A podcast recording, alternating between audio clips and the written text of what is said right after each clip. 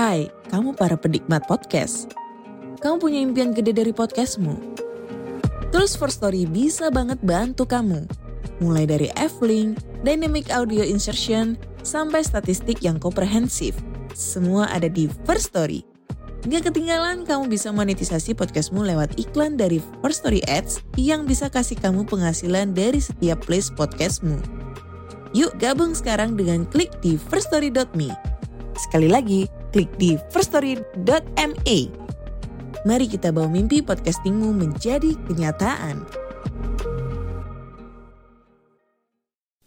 Belum lama ini tuh Indonesia menjadi nomor dua dari tragedi sepak bola berdarah di Malang, Stadion Kanjuruhan, yang menewaskan lebih dari 100 orang.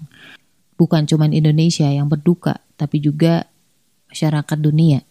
Terakhir kali gue nonton tuh sudah 187 orang. Dan korbannya nggak cuma orang tua ya, kebanyakan justru 17 tahunan lah.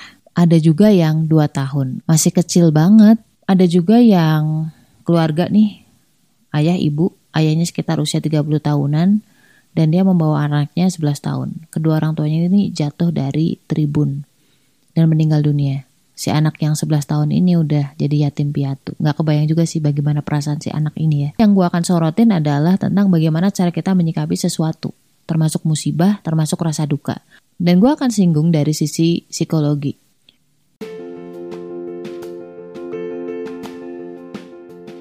Assalamualaikum warahmatullahi wabarakatuh. Kenalin aku Ria Marliana, teman healing kamu di podcast Self Healing ia akan ngobrol tentang banyak hal berdamai dengan luka melalui psikologi Islam, Quran, dan juga hadis. Dan kadang aku spill juga tentang karakter manusia berdasarkan golongan darah.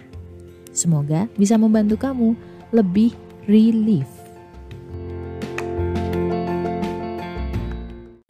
Jadi bermula dari kekalahan dari tim Arema dan juga Persebaya. Arema itu dua dan skor dari Persebaya adalah tiga.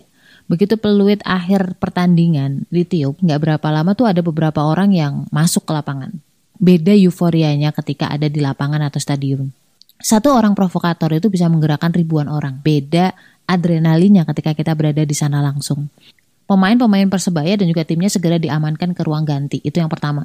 Bahkan ada beberapa orang yang sampai mengejar ke sana. Nggak berhenti sampai di situ. Setelah sampai keluar pun keluar stadion, mobil mereka, mobil Persebaya itu dilempari batu beberapa kali sampai kacanya pecah.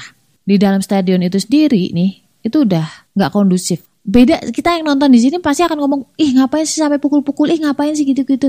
Iya, di posisi kita kita akan nyalain orang, betul. Nyalain polisinya, nyalain aremanya, nyalain tentaranya, ya kan? Gak ada yang benar karena kita berada di posisi luar sistem. Ketika lo berada di situ, belum tentu kita bisa setenang ini loh. Belum tentu kita bisa nyalain orang kayak gini loh.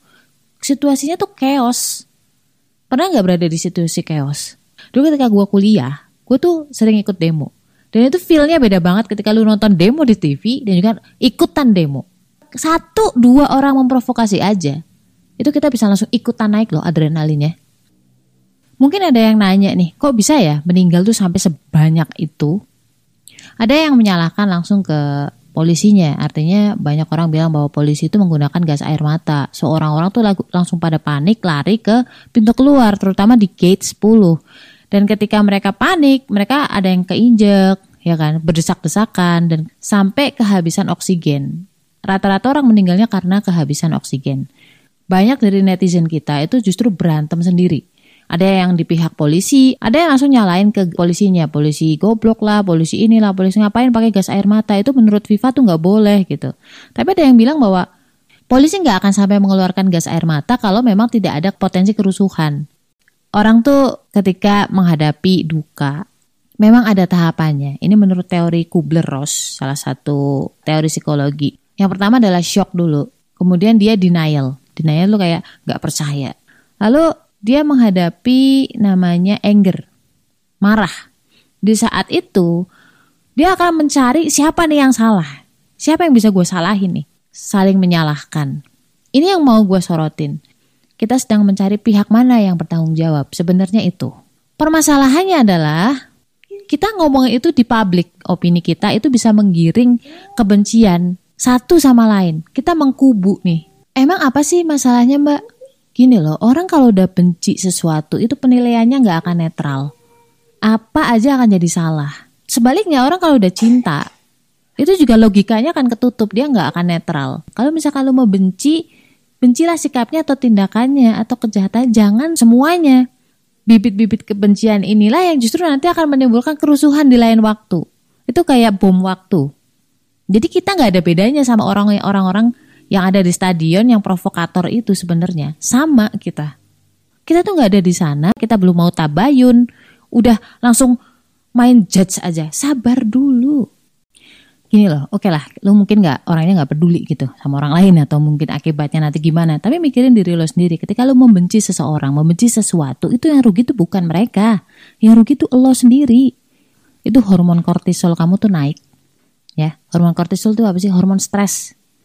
Hormon stres ini itu akan naikin gula darah lo.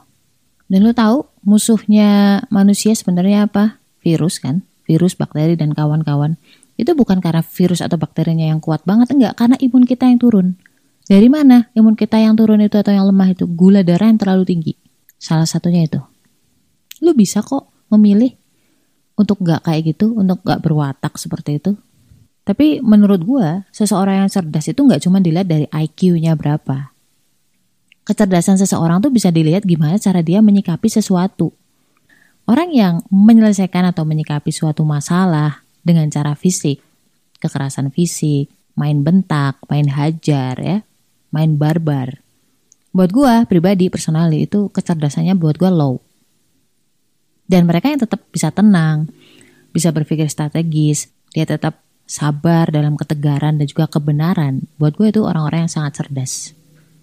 Cerdas itu lebih cenderung ke matang lah. Matang secara jiwa dan juga raga. Karena cuma masalah IQ masalah penyelesaian matematik itu very mudah. Tapi menyelesaikan masalah hidup itu IQ saja nggak cukup. Kata Rasul apa? Orang yang cerdas adalah orang yang selalu ingat mati. Jadi dia selalu menjaga sikapnya dia. Matang gitu. Visioner. Nggak cuma duniawi 30 tahun lagi enggak. Tapi nanti setelah di akhirat itu jauh melebihi orang-orang yang visioner duniawi. Dan itu juga yang membuat manusia tuh beda sama binatang akalnya. Dan soal Arema Persebaya ini, kita menyikapinya dengan cara apa? Saling serang satu sama lain. Makin berantem, makin rame di Twitter dan juga sosmed lainnya. Tapi orang kalau udah terlanjur benci ya mau lu ngomong apa juga, lu akan tetap salah, bener nggak? Kalau orang udah terlanjur cinta, lu mau ngomongin fakta yang sebenarnya pun orang nggak akan dengerin juga. Semua benar menurut masing-masing. Udahlah, nggak usah salah-salahan. Toh udah kejadian. Let the law speak lah. Iya betul, kadang memang hukum tuh gak adil, walaupun kita udah memperjuangkan, bener gak? Cuman dari situ hikmahnya adalah pengadilan Allah lah yang maha adil. Kalau cuma mau main salah-salahan, perang-perangan, benci-bencian itu gak akan ada habisnya. Dan gak akan mengembalikan nyawa korban juga kan. Semua yang terjadi di dunia ini tuh sudah ada izin dari Allah. Ini musibah. Muslim yang baik itu bisa mengambil hikmah dari semuanya. Innalillahi wa inna ilaihi rojiun. Kita tuh semua berasal dari Allah dan pasti akan kembali ke Allah. Semoga korban husnul khotimah dan juga yang ditinggalkan mendapat kekuatan serta hikmah. Stay love and assalamualaikum warahmatullahi wabarakatuh.